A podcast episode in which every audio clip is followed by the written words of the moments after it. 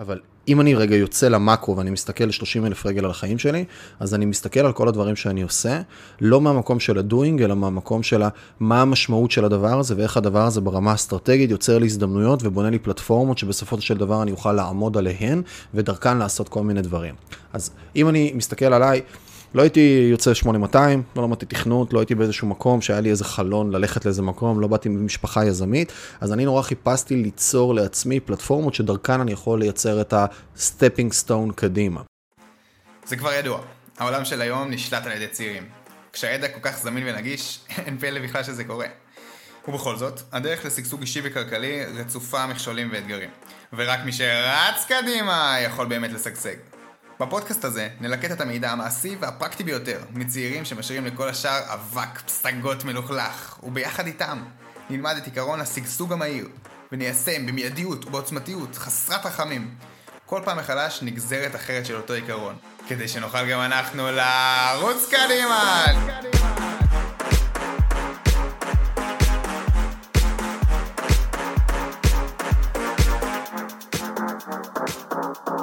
פודקאסט זה הוקלט בחסות בר מדיה, חברה לניצחון דיגיטלי.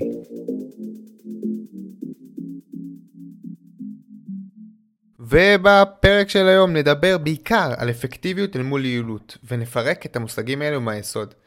זה פרק חובה לכל מי שרוצה להיות אפקטיבי ויעיל יותר משמעותית. אני לקחתי מהפרק הזה עם מיכאל המון המון תובנות, ומקווה שתהיינו גם אתם, אז יאללה, בוא נתחיל. לי קוראים יאל דנינו והיום יש לי את הזכות והכבוד לשבת עם מיכאל מלמדוב. מיכאל היה ועדיין דמות מאוד שאני לוקח ממנה השראה, אה, ויותר מזה אני צורך המון המון המון תוכן שלך. אה, ואני חושב שמפה, מהנקודה הזאת, אני חושב שהולך להיות פרק מאוד מעניין שניגע בכמה תחומי עניין, אבל לפני זה, אה, כדאי שהמאזינים יכירו אותך ויבינו בכלל את העשייה שלך. קודם כל כיף שאתה כאן, וכיף שאתה מארח אותי אצלך, ומגניב לראות אה, חבר'ה צעירים בגיל שלך שבאים והולכים ומתחילים לטרוף וליצור נטוורק וליצור קשרים וללכת וללמוד ולעשות את הדברים. אז כל הכבוד לך על ההתעוררות המוקדמת, אה, זה משהו שהוא לא מובן מאליו. אה, אני גם כן התחלתי להתעורר פחות או יותר בגיל הזה. לא שזה היה כזה מזמן, אני היום בן 27, ובתקופה הזאת הרבה, בוא נגיד, לא היה פודקאסטים עדיין, בטח לא כמו היום, והתוכן ביוטיוב היה הרבה פחות, והיום יש פלטפורמות מטורפות לבוא ולצרוך תוכן, גם בעברית, גם באנגלית, דרך שמע, דרך וידאו, וכיף לראות שאתה על זה ועושה את זה, והתעוררת סופר סופר מוקדם, אז מגניב, ושוב תודה על האירוח. אה, בכמה מילים, אני לא ארחיב יותר מדי, נראה לי שעדיף שניכנס ל details יותר. אה, יש לי היום קבוצה של אה, כמה חברות, שש חברות, בתחום של מדיה, פרסום, מכירות ועוד כל מיני עולמות נוספים. חברה אחת שמתעסקת בדיגיטל, agency הכי קלאסית שיש, חברה שנייה, ווטסון, שהיא מתעסקת בעולמות של email marketing ו content, agency שנייה, חברה שלישית קוראים לה במבו, ששם יש לנו צוותי מכירות ואנחנו עובדים אה, על בסיס הצלחה עם כל מיני גופים ומקומות, פחות או יותר 15 אנשים, חברה נוספת שקוראים לה אקספנד של פיתוח עסקי וייעוץ עסקי, חברה נוספת שקוראים לה ספוט שמתעסקת בעולמות של אה, השקעות נדל"ן, וחברה אה, נוספת שקוראים לה שממנה הרבה דברים התחילו, שמתעסקת בכנסים. כנסים, סמינרים ועוד כל מיני דברים. כל הקבוצה, גרוסו מודו 30 עובדים ועוד אה, סדר גודל של 20 פרילנסרים כזה שעובדים איתנו צמוד. כמה, כל, ה, כל הפעילות כמה סדר גודל של לפני שנתיים וחצי, שלוש. לפני זה עשיתי עוד כל מיני דברים, הייתי בחיל האוויר, היה לי עוד עסק עם ילד בשם יובל אס שהרצנו אותו, אה, ועוד כל מיני טיולים כאלה ואחרים. זה כזה בגדול, חוט השני שמקשר בין כל הדברים האלה זה בסוף באמת עולם של business, מהצד של marketing ו sales, שאנחנו יודעים לבוא ולייצר הרבה דברים נוספים, וכל הדברים האלה זה פלטפורמה בעצם להקמה של יזמויות, חברויות, עובדים, שותפים ועוד הרבה דברים נוספים. אני לא ב-100% על הכל סוליקו, אה, יש חברה אחת שהיא 100% שלי, ושאר הפעילויות הן פעילויות שאני בשותף, עם שותף ב-50%, שהוא מביא אה, איזה שהם ערכים שהם משלימים לערכים שלי, ואני הרבה פעמים מביא פלטפורמה וכולי.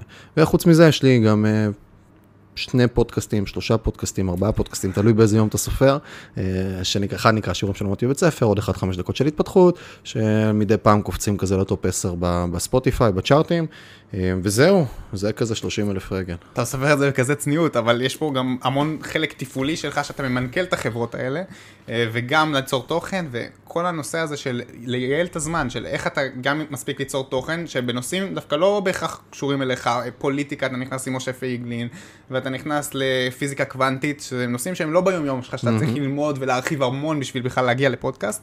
אני מרגיש את זה מהתחום שלי, שאני בא מעולם הסייבר, ואז פתאום אני צריך לבוא, לנתק את עצמי וללמוד, ואני חושב שאתה מצאת מנגנונים מאוד מאוד טובים, שהייתי שמח לשמוע עליהם. אז בוא תפרט, באיזה גזרה ספציפית אתה רוצה, כי המילה מנגנון היא רחבה. נגיד אתה מתעסק באג'נסי של דיגיטל. כן. אבל בסוף אתה גם עושה פודקאסטים של חמש, אה, של השיעורים שלמדתי בבית ספר, שזה מרחיב לך את הדעת נכון. בצורה מלאה, אז איך אתה מתנהל עם הדבר הזה? אה, שאלה רחבה, אה, אבל בוא נגיד שלימדתי את עצמי להיות מאוד מאוד מאוד מאוד יעיל. ויש הבדל בין יעילות לאפקטיביות, בסדר? ניגע בזה שנייה. אה, יעילות היא כמה מהר אני מטפס על הסולם, אפקטיביות זה האם אני הנחתי את הסולם על הקיר הנכון ואני מטפס לגג הנכון, בסדר?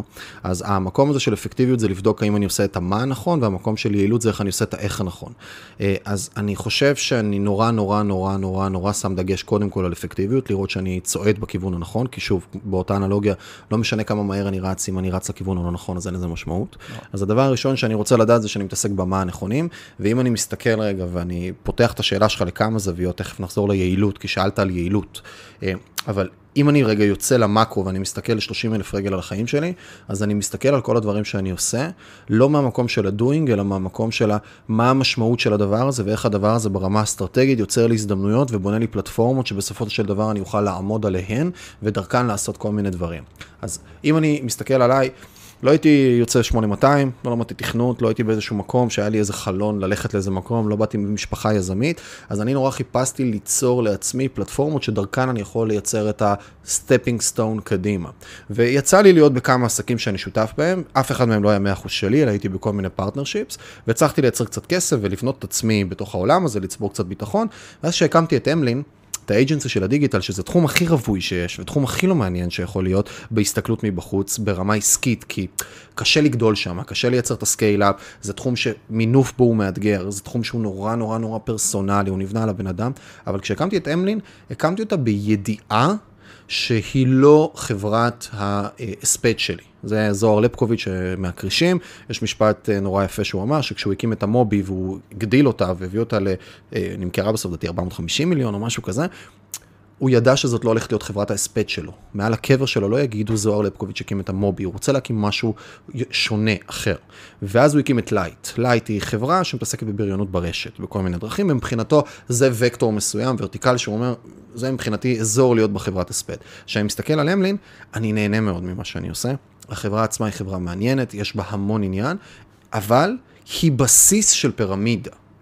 היא הסתכלות שונה מהסתכלות אחרת. ומה זה אומר בסיס של פירמידה? זה אומר שדרך הדבר הזה, אני בתור ילד בן 23-24, כשהקמתי את החברה, למדתי המון על עסקים, כי פתאום נגעתי הרבה בעסקים. יותר עניין אותי המה יוצא בלמעלה מהדבר הזה, מאשר הדבר עצמו. בגיל 23 כבר הבנת מה יוצא מהלמעלה? זה כל, זה כל הזמן עניין אותי, אני רק מסתכל על האסטרטגיה, כי טקטיקה טובה לא תציל אותך מאסטרטגיה גרועה, בסדר? ההסתכלות חייבת להיות על המה תמיד ולא על האיך, וזה למה אני מתעכב איתך, שאלת שאלה על יעילות, לפני שאני הולך ליעילות אני מדבר על האפקטיביות, על המה. אז מבחינתי אמלין היא פלטפורמה, אחד לפיתוח האישי שלי, בסדר?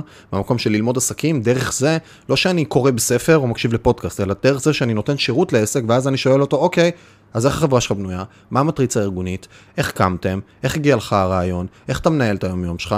מה ערוצי רווח שאתה מייצר בתוך העסק? מה אחוזי רווחיות של העסק שלך? והיום תשאל אותי, דבר איתי ביזנס, אני יודע, כבר יש מה שנקרא, התפתחה אצלי אינטליגנציה עסקית. שתן לי עסק, אני בארבע שאלות יודע את המחזור שלו, אני יודע אם הוא עובד או לא עובד, האם הוא עושה כסף או לא עושה כסף, מה המנגנונים האפקטיביים בתוכו, מה לא עובד בתוכו, מה ה-DNA העסקי, איך הוא צמח, ארבע שאלות, לא צריך הרבה.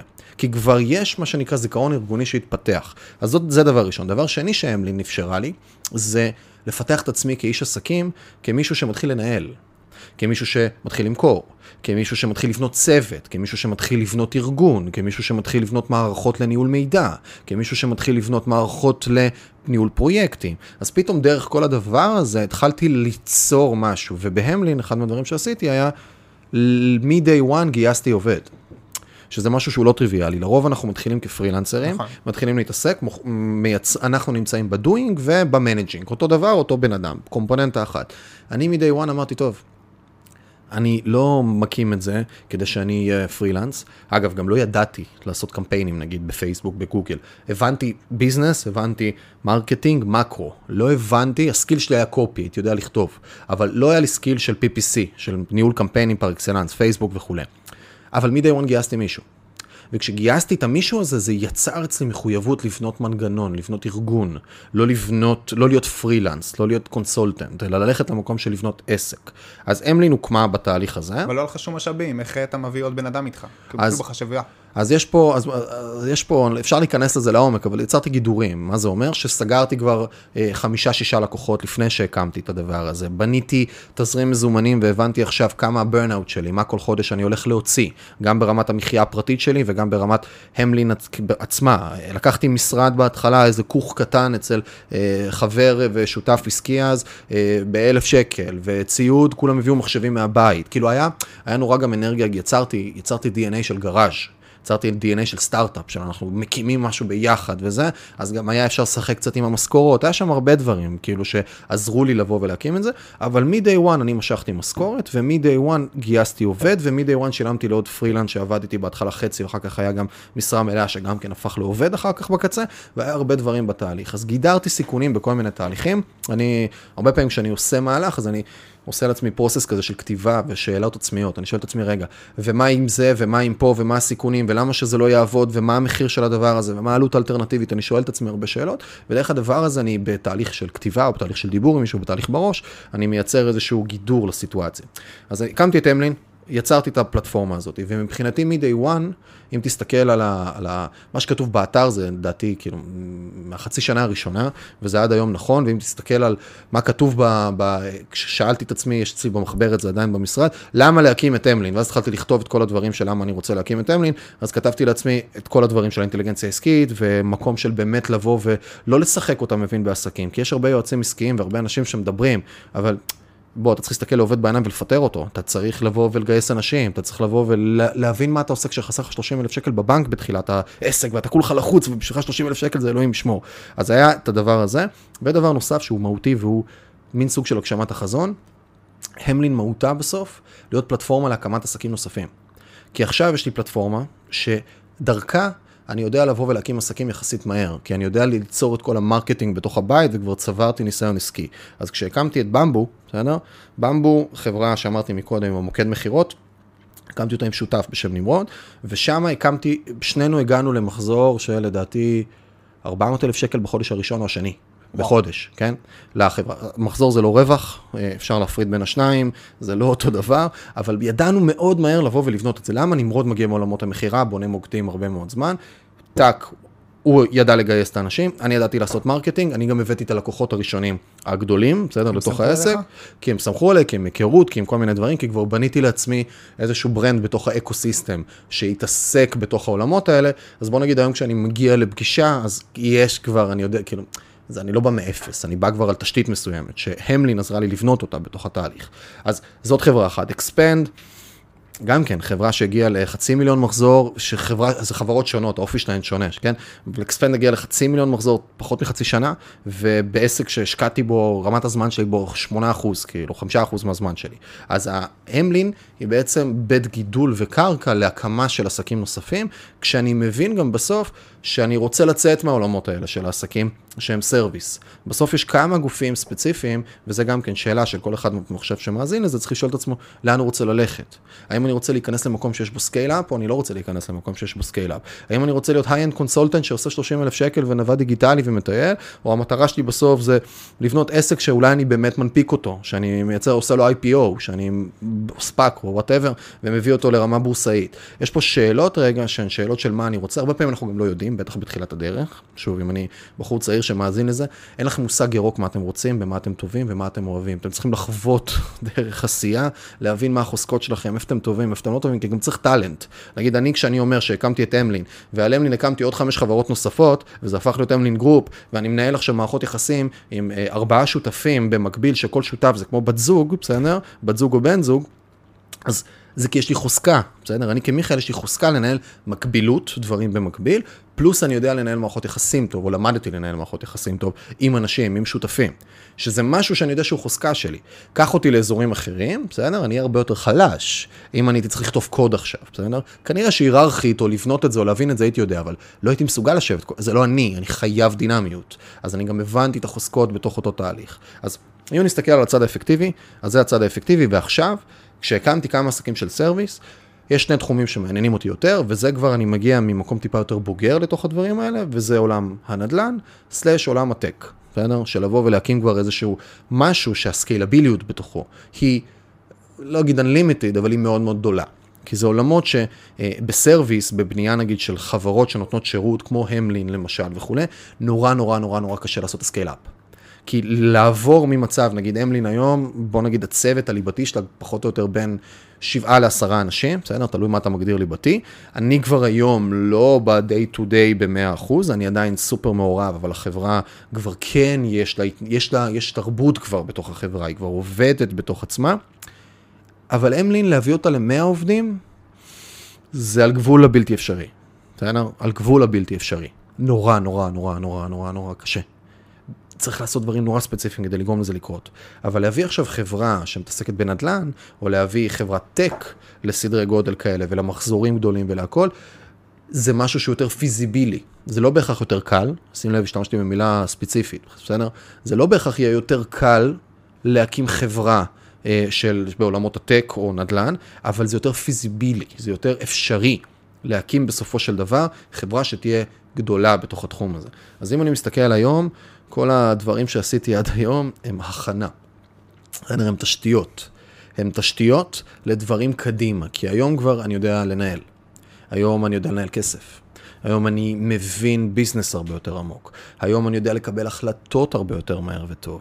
היום יש לי הרבה יותר ביטחון בהחלטות שלי, כי קיבלתי. היום אני יודע לנהל עובדים, אני לא חושב שאני יודע לנהל עובדים, כמו שהייתי לפני כמה שנים. אגב, זה שאני אומר שאני יודע, זה לא אומר שאני עושה את זה מצוין. בסדר, יש לי עוד המון לאן להשתפר, ואני רחוק מלהיות ממש ממש טוב בזה, וגם, שוב, לנהל של 4-5 שנים עובדים, זה לא, זה עדיין לא מספיק track record כדי לבוא ולתת על זה את הפרגון העצמי. אבל בוא נגיד שהיום, דרך המסע הזה יצרתי לעצמי הרבה מאוד דברים בתוך הארסנל שלי שמאפשרים לי לייצר קפיצות מדרגה כבר לשלבים יותר מתקדמים, כי בניתי הרבה תשתיות, ושים לב שהתחלתי ממשהו סופר בנאלי. וסופר כאילו לא נראה על פניו, אתה יודע, אייג'נסי, בסדר, כאילו, אייג'נסי, טוב. והדבר הזה הצליח ליצור לי את הפלטפורמה, הדבר הזה הצליח ליצור לי את ה set of skills שלי בתוך התהליך הזה, ומעל הדבר הזה עכשיו אני יודע לבנות עוד דברים נוספים. שוב, וחלילה בכל מה שאמרתי כרגע, אני לא מוריד מערכה של אמלין, בסדר? אמלין היא חברה עם זכות קיום שמייצרת ערך בתוך העולם הזה, ומפרנסת אותי ומפרנסת משפחות נוספות, והיא חברה שאני נהנה להיות בתוכה ולהיות חלק מתוכה. יחד עם זאת היא פלטפורמה. ואם היום לצורך העניין בערך 30% מהעבודה של אמלין היא על עסקים שלנו, בסדר? בתוך הקבוצה, ו-70% זה על דברים חיצוניים, אז בואו נגיד שבעתיד, אני מקווה שזה יהיה 50-50, בסדר? ויותר על, על הדברים הפנימיים בתוך התהליכים.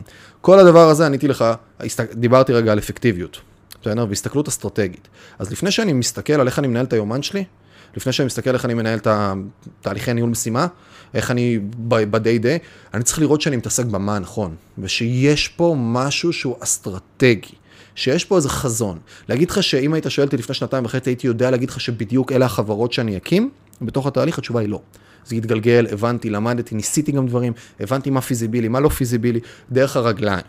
אבל ידעתי יחסית מההתחלה שאני בא, בא להקים פה, שזאת הולכת להיות פלטפורמה להצמחה של עסקים וחברות נוספות. בסדר? אגב, ואני אתן כאן בקוריוז, אם אה, יש איזה מיני קורס שעשיתי ממש מזמן, אפשר לראות ביוטיוב איזה 2019 סרטונים כזה שצילמתי עם הטלפון, גם סאונד לא משהו, אבל עם תוכן לא רע. איזה, כל סרטון כזה זה 40-50 דקות על, על שיווק, איזה 14 סרטונים או 12 סרטונים. כמעט כל סרטון פתחתי בזה שאמלין מטרתה בסופו של דבר זה לקחת אחוזים בתוך חברות שנותנת להם שירות. שניקח equity.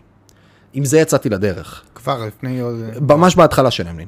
אמרתי, לא חשבתי על הקמת חברות, בסדר? חשבתי, אבל זה לא היה ה main תמה. אמרתי, עסקים נעבוד איתם, יראו את הערך, אני יודע להביא ערך אסטרטגי שהוא מעבר ל marketing, אה, וניקח, נייצר מנגנונים שבהם אני קונה 10-20 אחוז בתצורה כזאת או אחרת, מהרבה עסקים שאני עובד איתם, ולבנות מין סוג של את התהליך הזה בצורה הזאת, ואז יהיה לי pieces בתוך businesses. לא הבנתי את המשמעות של מה שחשבתי. רק אחרי שהתחלתי להתגלגל בפנים, הבנתי מה המשמעות האמיתית של, של בעלים של חברה לבוא ולתת אחוזים מתוך העסק, ואיך זה נבנה, ומה זה נבנה, ומה זה מערכת יחסים של ספק לקוח, לעומת מערכת יחסים של שותפות. והבנתי שזה בסוף לא עובד, אז עשיתי את ה pivoting הזה בתוך התהליך והבנתי מה נכון. אבל אני חוזר עוד פעם למקום הזה של האפקטיביות, אני עושה פעולות שהמהות שלהן היא אסטרטגית, ויש משפט יפה, או משתדל לעשות, לא תמיד מצליח, כן? יש משפט יפה של uh, שאלה יפה, שטים פריס מדבר עליה באיזה רוטינות שהוא עושה, וגם אני שואל את עצמי את השאלה הזאת הרבה, האם אני צד עכברים או צד אנטילופות? אם אני אריה שצד עכברים, אני מבזבז המון אנרגיה כדי לצוד עכבר, יותר אנרגיה ממה שאני מקבל מהעכבר. ואז לאט לאט אני אגבה ואני אמות. אם אני עושה עבודה כמו שצריך, אסטרטגית, ואני צד עכשיו אנטילופה, אני אוכל כמו שצריך, אני שבע, יכול להיות שאני מתאמץ יותר. אבל אני עושה פעולה שמהותה ומטרתה בסופו של דבר לתת לי מרווח נשימה. נשימה, תזרים כזה. תזרים זה פונקציונלי בכסף, אבל זה לא חייב להיות בכסף גם, כן? זה יכול להיות בהחלטות על החיים שלי, בסדר? יכול להיות שאני... כל דבר, בסדר? לא משנה, זה כל דבר. הרבה פעמים אנחנו עושים פעולות שאנחנו מקבלים עליהן reward בטווח הקצר, אבל בטווח הבינוני או הארוך, לא. ואני רוצה הרבה יותר להאמין שאני משתדל לעשות הרבה מהפעולות שלי שהן יהיו reward לטווח הארוך. שהוא גדול יותר, שהוא מינוף, שהוא יצירה של מנגנון, שהמהות והמטרה שלו היא צמיחה, היא גדילה, היא משהו יותר גדול מאשר מה שאני אעשה בטווחים הקצרים. אז רגע, לפני שאנחנו נעבור מהאפקטיבי כן. ליעיל, יש לי פה שאלה מעניינת. אמרת שאמלין זה הבסיס של הפירמידה. כן. מה אתה רואה ב top? כאילו, איך, מה ראית ב top שאמר לך, אמלין זה הבסיס שלי? אז קודם כל, אתה יודע, אנחנו גם חיים בעולם של אלטרנטיבות. בסדר? יכול להיות שאם הייתי ב-8200 או ב-81 או באיזה יחידת סייבר כזו או אחרת והייתי בצד התכנותי או whatever, יש מצב שלא הייתי אומר אני הולך להקים agency, בסדר? אה, ודרך הדבר הזה אני אבנה את עצמי כאיש עסקים, בסדר? הייתי כנראה אומר, טוב, אני הולך להקים סטארט-אפ. בסדר? אז ה vibe או התדר שאני נמצא בתוכו, גם זה בסוף למול האלטרנטיבות שהיו קיימות אצלי בתוך הארסנל כלים שנחשפתי אליו. וגם באותה תקופה. אגב, יכול להיות שאם אני לוקח את עצמי אחורה רגע לגיל 21-22, יש מצב שהייתי הולך דופק על אה, דלת של 20 חברות סטארט-אפ והייתי הופך להיות founder, אה, או הייתי הופך להיות employee number 5 או number 7 או number 10 באיזה חברה שאני רואה בה פוטנציאל מסוים, וכשבתוך ארגון קטן אתה יודע להביא ערך, אז אתה יכול בסוף לעשות כל תפקיד, ויכול להיות שדרך הדבר הזה הייתי מייצר את ה stepping stone הבא שלי להקמה של סטארט-אפ יותר מהר, בסדר? רשמתי לעצמי. זה, זה, אתה, זה, זה מהלך שהוא הרבה יותר מקצר את הדרך. אגב, אם אני היום מסתכל על נדל"ן, ואנחנו הרבה מתבחבשים בדבר הזה שנקרא נדל"ן, וישבתי עם כמה פיגורות נורא נורא גדולות בעולם הזה של נדל"ן, ודיברתי איתם על השיח. יש סיכוי טוב שהדרך הכי פשוטה עבורי בסוף להפור, לבנות חברת בנייה בנדל"ן, בסדר? זה כנראה יהיה הרבה יותר ללכת ולעבוד עכשיו בתוך חברה.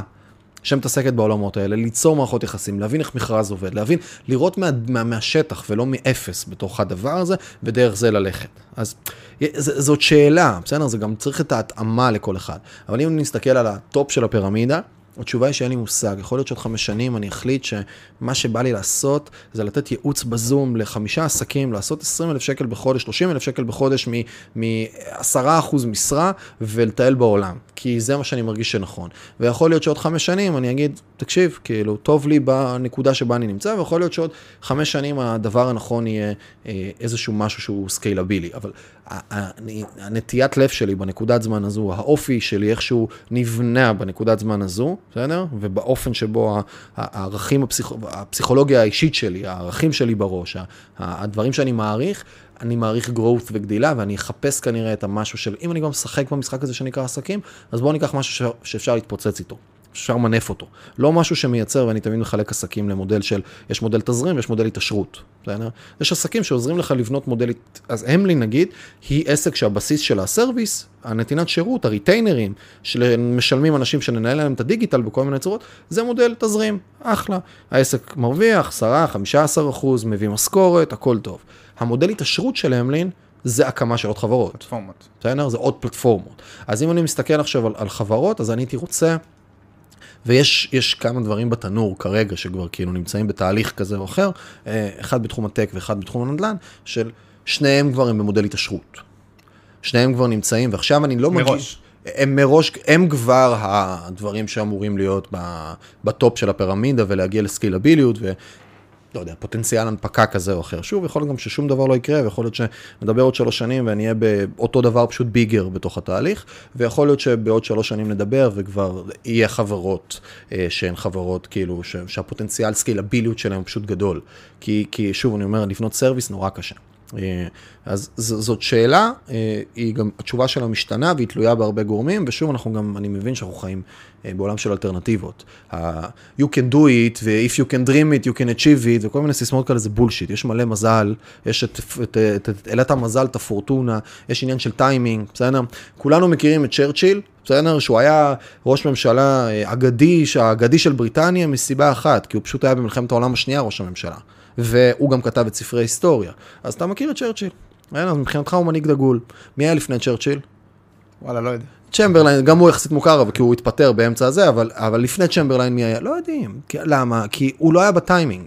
בדיוק היום ראיינתי בחור בשם אה, יוסי מזרחי, בחור בן 33, ממש לא מזמן היה לו, שייסד לפני 6 שנים עם שותף שלו חברת נדל"ן, בהמשך למה שאמרתי על נדל"ן, ובשבע שנים בנו 12,000, אה, 11 אה, או 12,000 יחידות דיור בשווי של 7 ומשהו מיליארד, מטורף.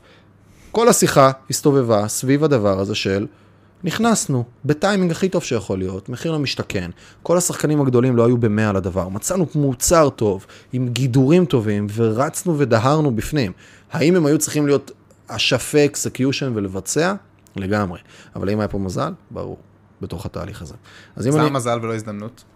כי יש גם עניין של מזל, זה לא, יש מזל לאיזה הזדמנות וכמה הזדמנויות, בסדר? זה לא רק בסוף, לבוא, כל הזמן יש הזדמנויות, זה נכון שכל הזמן יש הזדמנויות, אבל לפעמים יש הזדמנויות טובות יותר. בסדר? אתה, אתה מעולה, אתה חכם, אתה טוב, אתה הכל, אבל הקמת את החברה שלך, את חברת הסטארט-אפ שלך ב-99. בום, בועת הדוט קום, התפוצצת, נגמר לך הכסף, לא היה משקיעים, נגמר הכל, הלך. האם היו כאלה ששרדו את זה? כן, אבל תלוי איזה חברה, באיזה שלב היה, לאן הם לקחו את זה. אתה תותח אה, בנדל"ן, הקמת חברה עכשיו, בנית משאבים, הבאת כסף, הבאת משקיעים, הכל, בום, סאב פריים, בדיוק. יש פה כן, עניינים, יש פה, יש פה הרבה אלמנט של מזל, ומי שאומר שלא, אז הוא לא, זה, זה, הוא קרא יותר מדי ספרי התפתחות אישית. צריך להבין את זה גם, וזה גם כן חשוב לבוא ולהגיד ש... יש לי שליטה על המאמץ שלי בתוך פעולה, אין לי שליטה על ה outcome. זה הבסיס לסטואיזם. ולגישה פילוסופית שלמה שאני חי אותה עמוק. יש לך, יש לך יכולת, בסדר? להתאמץ מקסימלית. אין לך יכולת לשלוט בתוצאה מקסימלית, שזה משהו שמצד אחד נורא מבאס, מצד שני הוא נורא משחרר. עכשיו, האם אתה יכול הסתברותית להעלות את סיכויי ההצלחה של משהו? כמובן. במאמץ, בחוכמה, בבדיקה, בטיימינג, בהרבה דברים. אבל האם אתה יכול לשלוט על תוצאה? בסימן קריאה לא, בתוך התהליך הזה. אז בגלל זה, אני, כל מה שאני אומר, שים לב, אני מסייג מלא. אה, הרבה פעמים אנשים שהם נתפסים כמנטורים או מאמנים או מייצרים תוכן מדברים בסימני קריאה. כי אנחנו כבני אדם תוכנתנו לחפש את האלפא. בסדר? לחפש את המנהיג, את הלידר, אנחנו צריכים את זה. כי זה יוצר חוד חנית לקבלת החלטות מהירה, וקבלת החלטות מהירה שווה הישרדות. אז אנחנו בנויים היררכית כבני אדם, אנחנו מחפשים את הראש פירמידה הזה, כקבוצה. וראש פירמידה אמור לדבר בסימני קריאה, כי אני אמור לדעת מה אני צריך לעשות. אבל זה לא נכון, חיים לא סימן קריאה. יש דבר אחד שמתאים למישהו אחד, ויש דבר אחד שמתאים למישהו אחר. יש כל מיני דברים וכל מיני תהליכים. אז גם פה אני אומר, כשאתה שואל אותי שאלות על איפה אני עוד שלוש, אני חושב שאני בכיוון הזה, נראה מה יהיה בתוך התהליך. אתה רוצה לעבור ליעילות? כן. יאללה, אז בוא תחדד אותי שם אזור ספציפי שאתה רוצה שנדבר עליו. שמע, ישבתי פה עם אופק אה, קודם באולפן, וראיתי את הלו"ז שלך. אתה לא נשמת מרגע לרגע, ובכל זאת אתה... אני רואה אתה באנרגיה הכי טובה עכשיו, איתי אתה נותן את ההצגה הכי טובה שאתה יכול. אמ, ואיך אתה משלב גם מנגנון תוכן של כתיבה, גם מנגנון תוכן של שלושה פודקאסטים שונים, גם לנהל חברות, ואיך כל הדברים האלה מתכנסים ביחד, ואתה צורך מלא תוכן שאתה נותן, אז איך כל הדבר הזה מתכנס ביחד למיכאל אחד? אז יש לי את אופק שעוזר לי מאוד אה, בהרבה דברים, ולא בצחוק. אה, אופק ועוד אנשים טובים שנמצאים סביבי. אחד מהדברים שלמדתי לעשות זה להתמודד עם הרבה פעמים, עם תוצאה שהיא פחות ממושלם. אה, בעיניים שלי, ולהתמודד עם הרבה דברים שאני משחרר ויכול להיות שלא יצאו כמו שאני רוצה, כי לא אני עושה אותם. ונורא נורא נורא כל הזמן, דיברת על הלוז, אבל זה לא רק הלוז, יש נורא נורא נורא אצלי בראש כל הזמן את השאלה של האם זה שווה את השעה שלי או לא שווה את השעה שלי, האם אני באפקטיביות המקסימלית או לא. עכשיו, זה לא רק עניין של שווי כספי, זה גם עניין של שווי אה, אה, רצוני או אנרגטי, בסדר? כי יש הבדל בין ניהול זמן לבין ניהול אנרגיה. ניהול אנרגיה, זה יכול להיות שאני כרגע באתי, בניתי את הבלוקים הכי טוב, תכננתי את היום מצוין, באתי, יש לי זמן לעשות את כל הדברים שאני רוצה, אבל בום, קיבלתי שיחה מחבר טוב, או מבת זוג שלי שולחת לי הודעה שאנחנו צריכים לדבר ואני רוצה לחשוב על הקשר, או עכשיו לקוח שאומר, אחי, אני לא, לא מצליח לעבוד איתכם, שחררתי. דבר אחד כזה יכול לגמור לי את היום, זה לא משנה שיש לי זמן בניהול זמן, בניהול אנרגיה אני מפקשש בתוך התהליך הזה. אז אם אני רגע מסתכל על עצמי, אני נורא שם דגש על הדבר הזה שנקרא ניהול אנרגיה, ונורא שם דגש על הדבר הזה שנקרא ניהול זמן. אני מבין את שני הדברים האלה, והרבה פעמים הלו"ז גם נבנה בתצורה כזו, יחד עם המון המון המון יעילות של דברים שאני רוצה להוציא ממני, בסדר? אז הנה אתן לך דוגמה. אה, סתם, אופק, המיקרופון שלך פתוח? עכשיו כן. עכשיו כן. דבר, לא שומע אותך. תן לעצמך קצת ווליום. הופה. הופה. יפה. אופק, אה, כמה אחוזי הסגירה שלי בפגישות מכירה של המלין? בערך 80 אחוז. 80 אחוז, כן. בסדר? עכשיו, ריטיינר שאני מוכר בהמלין, זה נע, בוא נגיד ממוצע באזורי ה-5-6 אלף שקל, בסדר? פלוס עוד איזה הקמה עם התחייבות, זה עסקאות של כמה עשרות אלפי שקלים, בסדר? 80 אחוז. למה הם 80 אחוז, לדעתך? מה אני יכול להביא לזה? אתה בזמן הכי טוב שלך ביום? לא. מה? אני פשוט מסנן כל כך טוב לפני, שאלה שמגיעים כבר, הם יודעים כל כך הרבה פרטי מידע, בסדר?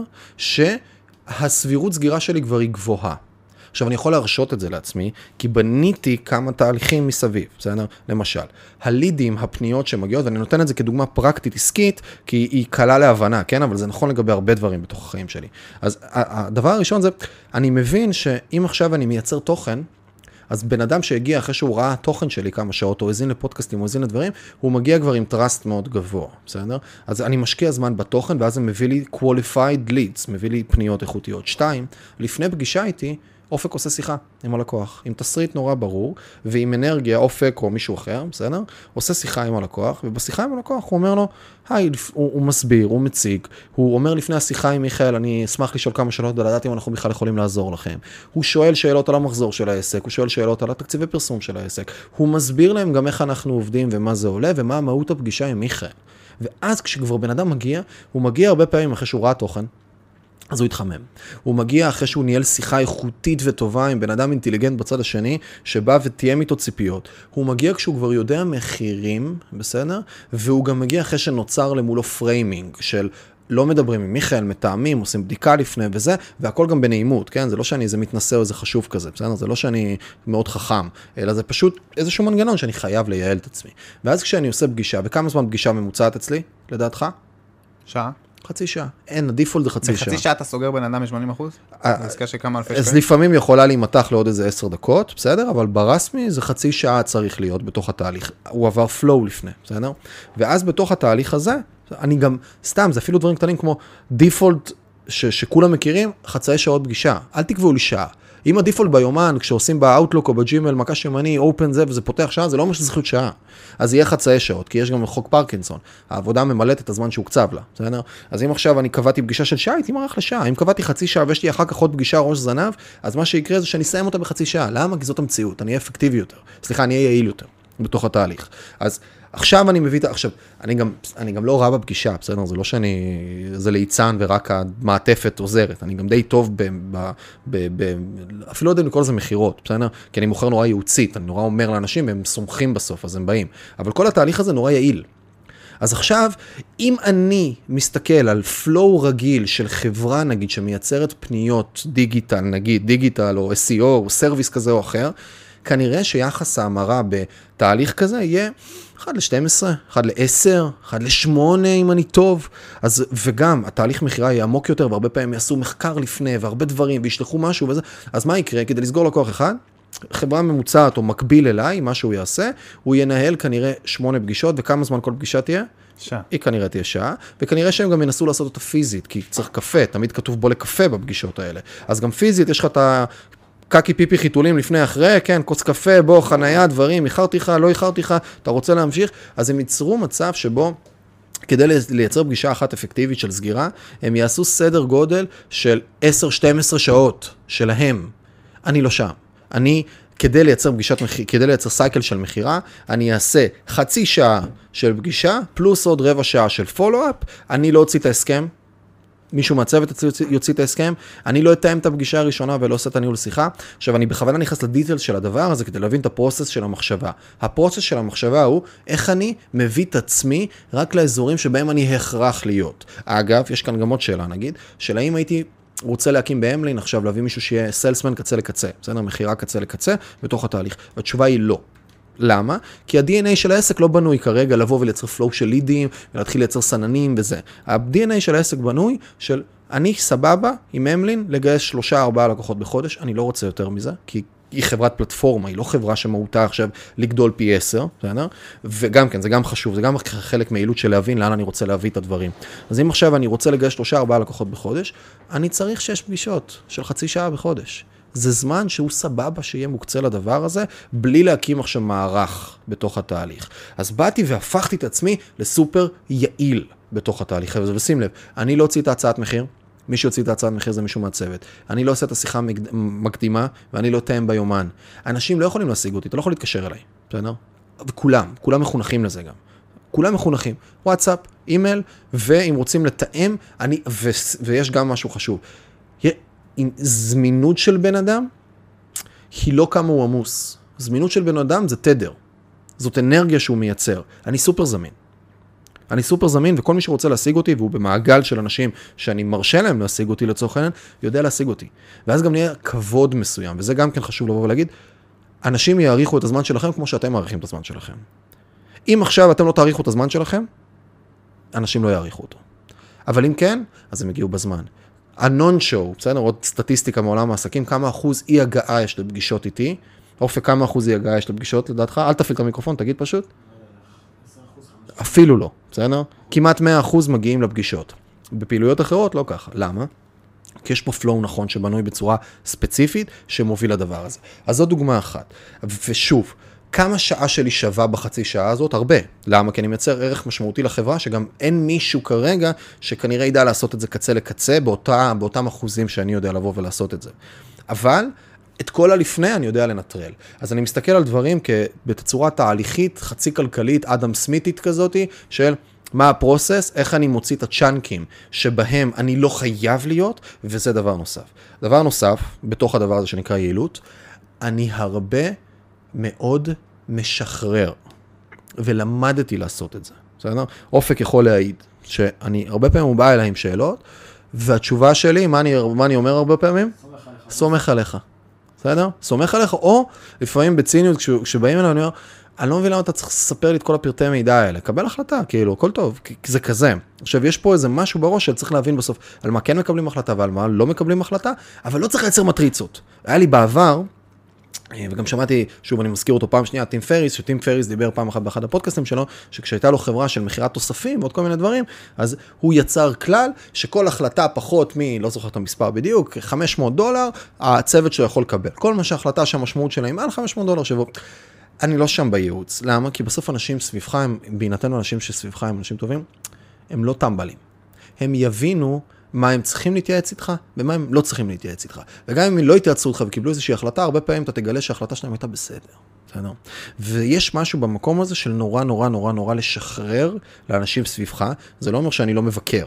זה לא אומר שאני לא יוצר מנגנוני בקרה, זה לא אומר שאני לא אבדוק ואוודא כל מיני דברים. זה כן אבל, לתת לדברים לצאת וגם לדעת שחלק מהדברים לא יעבדו, כי כשאני רוצה לייצר את ה scale-up, אני חייב לגרום לדברים לזוז ממני. ואני חייב לחפש את עצמי במקסימום השעתי. עכשיו אני אתן עוד דוגמה, בסדר?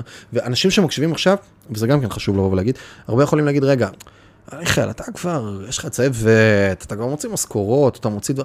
זה לא היה ככה. בסדר?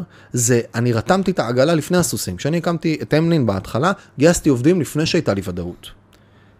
הבנתי שאם אני עושה טעות ושלושה חודשים רצתי ולא הצלחתי לקלקל את העסק הזה, אז הפסדתי 30-40 אלף שקל.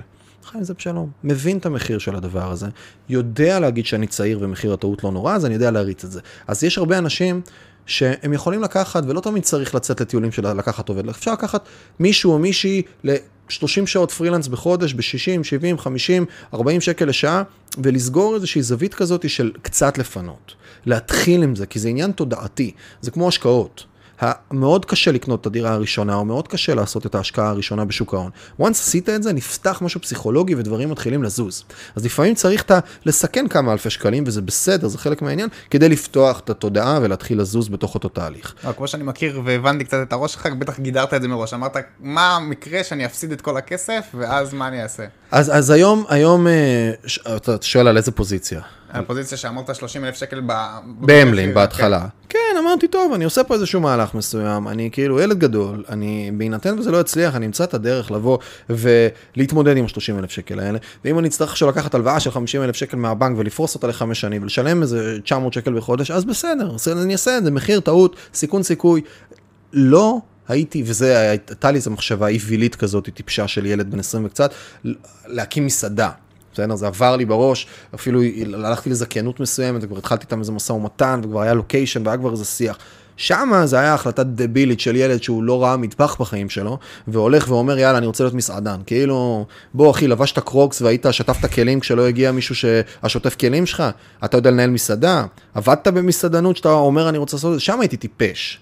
אבל זאת הייתה החלטה טיפשה, שבסוף לא קיבלתי אותה, ברוך השם, אבל ההסתכלות של לבוא ולסכן פה איזה חצי מיליון, מיליון שקל, על, על מהלך דבילי כזה, זה היה טיפשות. אבל פה, כשאני מסתכל על הגידורים, ואני שואל את שאלת ה-what if, ואני אני באמת שואל אותה, שואל אותה, מה המקרה, what's the worst case scenario, מה הדבר הכי מורא שיכול לקרות?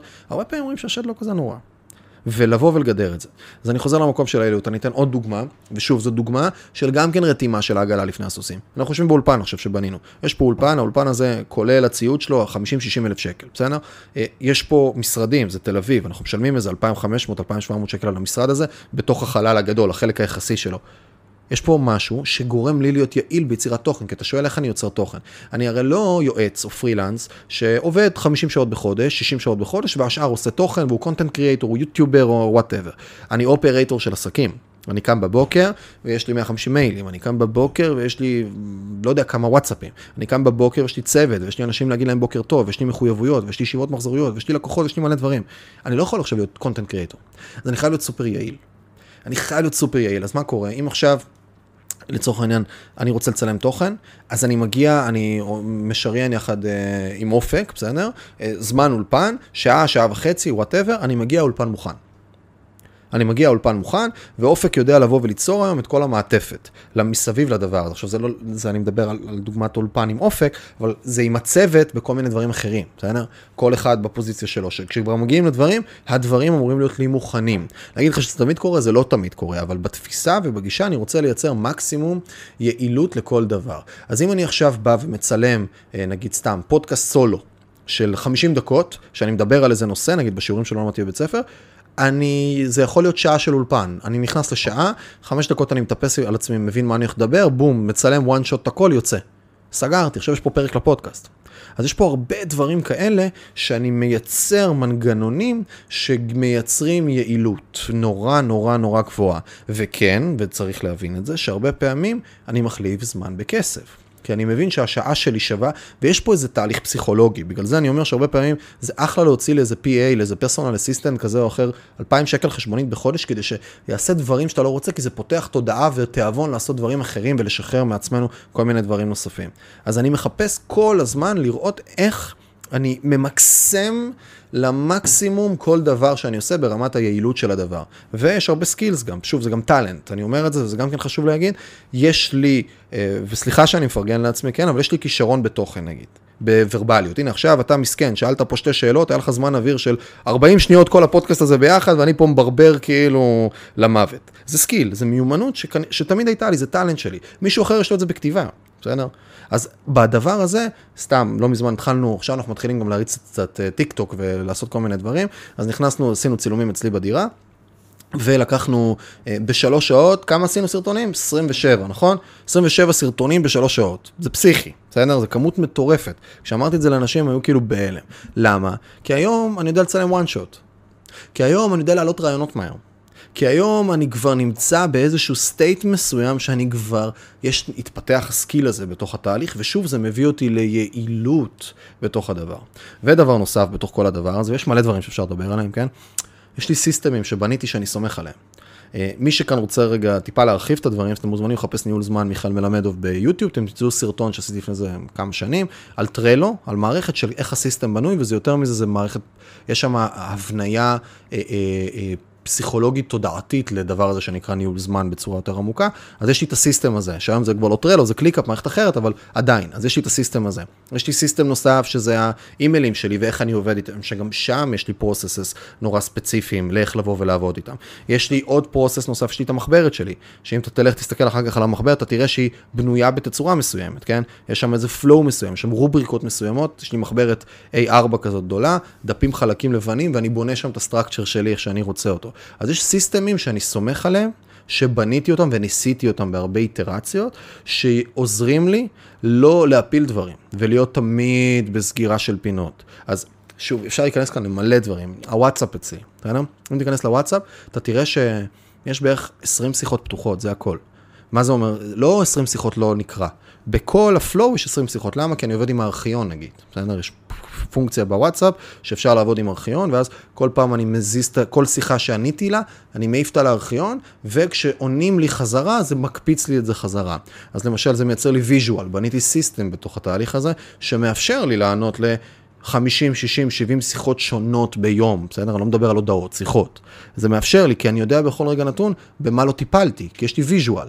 באימייל שלי אתה תראה שבכל יום נתון, למרות שאני מקבל 150 מיילים, אני אסיים את היום כמעט תמיד על איזה 10-15 מיילים ב inbox, כי הכל עף משם. אין לי לפתוח משהו ולהוריד משהו. אז יש המון, המון, המון, המון, המון, המון דברים קטנים, שהם המון עם איטרציה, שעוזרים לי לייצר מקסימום יעילות. שחרור החוצה מדברים, לבוא ולקחת את המקום של לייצר את הסיסטמים שאני סומך עליהם, לבנות את המערכות שאני סומך עליהם. ושוב, זה המון, אני אומר את זה היום, אני חושב שהשקעתי, באתי להגיד מאות, אבל אני לא יודע אם כבר לא אלפי שעות ב, ביעילות האישית שלי. ואחרי כל מה שאמרתי על היעילות, אתם יכולים להיות לא יעילים בשיט, אבל תהיו אפקטיביים וזה ינצח הכל. וזה אני אומר את זה. מספיק לפעמים לעשות פעולה אחת טובה, שהמשמעות שלה יותר טובה מלהיות הכי יעיל במענה לאימיילים או לוואטסאפים או לנהל פגישות או לנהל מיליון דברים. עכשיו יש פה מכפלה מן הסתם, כן? אני רוצה להיות גם יעיל וגם אפקטיבי. אבל הדבר הכי חשוב זה לראות שהם טופסים על הקיר הנכון. זה הדבר הכי חשוב. ולא לטפס הכי מהר על הסולם. וואו. טוב, דיברנו פה על אפקטיביות ויעילות, אבל זה הרבה יותר מזה, כאילו שתקתי וענית לי פשוט על כל מלא שאלות שהיו לי. אמ, רק בשביל הסיום של הפרק, אני חייב להגיד שאני ממדל אותך בהרבה פעולות, ממש מלפני שנה וחצי, נגיד הדברים שרשמת, מה לקחתי השבוע, אז ככה בכלל נבנתה הקהילה, אמרתי אני רוצה להשתפר בדיבור בפני קהל, ראיתי את מיכאל עושה ככה וככה, אז יאללה, אני עושה פעם בשבוע, אני אומר מה למדתי השבוע, ואז יש לי גם אילוץ חיצוני שמחייב אותי להגיד, אה, ואז ככה עשיתי סרטונים, ולאט לאט זה נבנה לקהילה, וצריך עוד דרך, אז יש פודקאסט. מדהים אחי, איזה כיף, איזה זכות לי. אז יש לי שאלה אחת עליך. מה הדמות או האיש שאתה ממדל? או שזה כמה, או ש... אמ, התקלתי. לא, לא התקלת. יש לי שותף וחבר אה, מאוד מאוד טוב שקוראים לו אבי קאופמן, אה, שהוא ייסד כמה וכמה עסקים, היום מנכ"ל האקדמיה לפיננסים של BDO, ויושב ראש טרפס פיננסים, והקים עוד כמה מדרשה לערבי בביטחון, ועוד כמה זה. אה, אבי היום בן כמה הוא? 73, הוא 81, הוא 48, בן 48, והוא הראשון שנתן לי הזדמנות, כי אני באתי אליו ואמרתי לו, אבי, יש לך את האקדמיה לפיננסים, יש שם חטיבות. אה, אני, אין לך חטיבה עסקית, בוא אני אקים אצלך חטיבה בשותפות. והוא נתן לי את ההזדמנות, וזה יצר את החיבור הראשוני, יחד, אחר כך הכנסתי את הפעילות של יובל אסלה בפנים, והוא היה שותף שלי, והוא עדיין שותף שלי בביטלנד, ונוצר כאילו כמה מערכות יחסים, ולמדתי ממנו המון, אני ממש כאילו, זה היה... זה ההורים ותומים שלי עד לפני איזה שנתיים, ממש בהרבה דברים, במשא ומתן, בתקשורת בין אישית, בניהול עובדים, בבניית מערכות, בהרחבה ויצירה של שותפים והרבה דברים נוספים. ואני חב לו המון, מה, גם בזה שהוא נתן לי את ההזדמנות, וגם בזה שהייתה לי את ההזדמנות להיות קרוב אליו ברמה הזאת של לעשות איתו עכשיו פינג פונג משא ומתן יחד עם עוד אנשים בתוך חדר, בלראות אה, אותו מקבל החלטות על אמת בכל מיני דברים. והיה לנו גם כמה אירועים אה, מאוד מאתגרים בעולם העסקי בגזרה שבה אנחנו נמצאים, והרבה מהדברים לקחתי ממנו בתוך התהליך, ובוא נגיד גם נורא בעטתי בהתחלה, נורא לא הסכמתי איתו, נורא היה לי קשה איתו, נורא הרגשתי שדופקים אותי בהתחלה, ולקח לי זמן לבוא ולהבין דרכו הרבה דברים עסקיים, אז המון המון מידול ממנו. אנחנו גם מאוד שונים. כן? מאוד שונים. אני הרבה יותר מיטו... אנחנו תמיד צחקנו שהוא רקדן הורה ואני רקדן בלט. אני מחפש את הדיוק והוא חי בתוך משהו שהוא הרבה יותר flow והרבה יותר אינטואיציה והרבה יותר gut feeling, וככה הוא מנהל, הוא לא, הוא מנהל עסקים גדולים, מחזורים גדולים, אתה לא תראה אצלו טבלאות אקסל, ואתה לא תראה אצלו תהליכים של מדידות ו-KPIs ודברים. הוא חזק במערכות יחסים, בשת"פים, בדברים, אני באזורים אחרים, אז אני יודע להגיד שהרבה מידלתי ממנו בהקשרים העסקיים. בהקשרים של החיים האישיים, אה, אני חושב שזה מקבץ מאוד רחב, אני, יש מבחן של גלופ, אה, עכשיו גלה את חוזקותיך. שעושים איזה מבחן כזה, מי שרוצה לעשות אותו זה נחמד, זה, זה 40 דולר כזה ומקבלים איזושהי תשובה. הדבר הראשון שנמצא אצלי זה למדן, זו החוזקה הראשונה שלי. אה, הלמדן, עתידן, לא זוכר כבר מה היה שם, משהו עם DNA, לא משנה. קיצר, אז המקום הזה של למדנות הוא משהו שנורא נורא טבוע בי. אני כל הזמן לומד, אני גם כל הזמן ממדל, אני כל הזמן, אני, אני נגיד עם אבי, הרבה אנשים היו סביבו, לא קיבלו את אותם ערכים שאני קיבלתי. למה קיבלתי את הערכים האלה? לא כי אני כזה חכם. כי פשוט, כשהוא כרגע סיים פגישה בצורה מסוימת, שאלתי את עצמי למה הוא סיים כמו שהוא סיים, ואחר כך גם לפעמים שאלתי אותו למה הוא סיים כמו שהוא סיים. פשוט הייתי שם לב לקונטקסט ולא רק לקונטנט, לא רק לתוכן, אלא גם להקשר שלו. והמקום הזה של מידול, בסדר? הוא מקום נורא נורא נורא חשוב שמעטים עושים אותו. ואם אתם תהיו בסביבה שיש בה אנשים רלוונטיים, אנשים טובים, שיש מה ללמוד מהם, ותסתכלו על דברים הרבה פעמים שהם עושים אינטואיטיבית, ותנסו למדל אותם ולתחקר אותם, בסדר? אפשר ללמוד מזה המון בתוך התהליך. ואני מידלתי בטרפת, בסדר? את, את, את, הרבה מהמיומנויות אצל אבי. אז אם אני חוזר רגע ללמדן ולדברים, יש המון אנשים שאני לוקח מהם הרבה דברים. אז uh, טים פריס וג'ו uh, רוגן, אני ממודל הרבה על איך הם עושים ויוצרים את הפודקאסט, ולמדתי משם הרבה, בסדר? בתוך התהליך. אז אני יכול גם למדל פונקציונלית ספציפית בכל מיני אזורים, כן? זה כל אחד באזורים שלו. יש לי חברים ושותפים שאני לוקח מהם המון דברים. הסביבה שאני נמצא בה ובניתי לי אותה, ואני משתמש בכוונה במילה בניתי, כי בניתי את הסביבה הזאת, היא לא נוצרה. סביבה באמת של אנשים שהם בתודעה גבוהה ובהרבה דברים, אז אני ממדל את השותפים שלי הרבה פעמים, וחברים, ואנשים שנמצאים סביב בכל מיני קבלת החלטה. אה, אני לומד המון ממלא דברים, אז יוצא לי למדל ולקחת כל מיני פיסס מכל מיני מקומות, ויש עוד בחור נוסף שמידלתי הרבה ממנו. אנחנו מאוד שונים ואני לא כזה, אבל גרי ויינרצ'ק הוא מישהו שגם כן מידלתי המון אה, בהרבה הקשרים גם של המלין, של הבנייה של אה, מערכת שהיא פלטפורמה עבור הקמה של דברים אחרים. ב content creation גם כן מידלתי הרבה את גרי שהוא הרבה מדבר על document, don't create, תהיה מתעד ולא בהכרח רק יצרן, אז הרבה דברים כאילו מתוך העולמות האלה לקחתי אני חושב גם כן ממנו. זהו, זה כזה בגדול, אבל זה לגמרי קצת pieces מכל דבר. מאבי הייתה תקופה שלקחתי המון, בסדר? אה, מן הסתם גם, שוב, זה גם הרבה מהדברים, הבנתי מה עובד לי, מה לא עובד לי, וזה גם כן עניין של no day self, תבין מה נכון לך, בתוך אותו הקשר, מה אתה לוקח, מה אתה לא לוקח, הייתי הרבה יותר ספוג גם בגיל 22, 23, 24, עוד הייתי קצת פחות ניסיון, אז לקחתי הרבה ממקומות אחרים ולא מהפרקטיקה שלי. והיום אני יודע להגיד, אם אני אסכם את כל הפיץ' הארוך הזה של אה, ממי אני ממדל ולוקח השראה, זה מקום שבו אני לוקח השראה אה, והרבה מה, מהניסיון כבר האישי. כאילו הרבה כבר היום זה מהמקום של פרקטיקות שכבר נבנו תוך כדי העשייה והיצירה שלי, יחד עם קטיפה של כל מיני דברים מכל מיני זוויות מסביב. וואו, אני בדרך כלל כשאני שומע פודקאסטים וזה אני מסכם לעצמי וכאילו היה בא לי לסכם את הפודקאסט של עצמי אז אני אני ארוץ הביתה ואסכם את זה אחר כך זה אני חושב שהיה פרק עם מלא ערך שהבאת אה, וככה לסיום איך אפשר אה, להגיע לך לשמוע אותך עוד אה, תוכל לספר למאזינים. תחפשו מיכאל מלמד אוב, זה כבר לא נהיה קשה. זה לא קשה, לא קשה. אה, לא קשה, אתם מוזמנים בחום, ואני מצטער שלקחתי לך את כל הזמן אוויר, אחי. אני מרגיש כאילו אני... כשזה המצב זה היה מטורף. אז אני מתנצל על הברברת הבלתי פוסקת והרציפה שנתתי. להפך, היה לי הזכות. ממש תודה רבה לך. באהבה, וכל הכבוד לך לעשייה.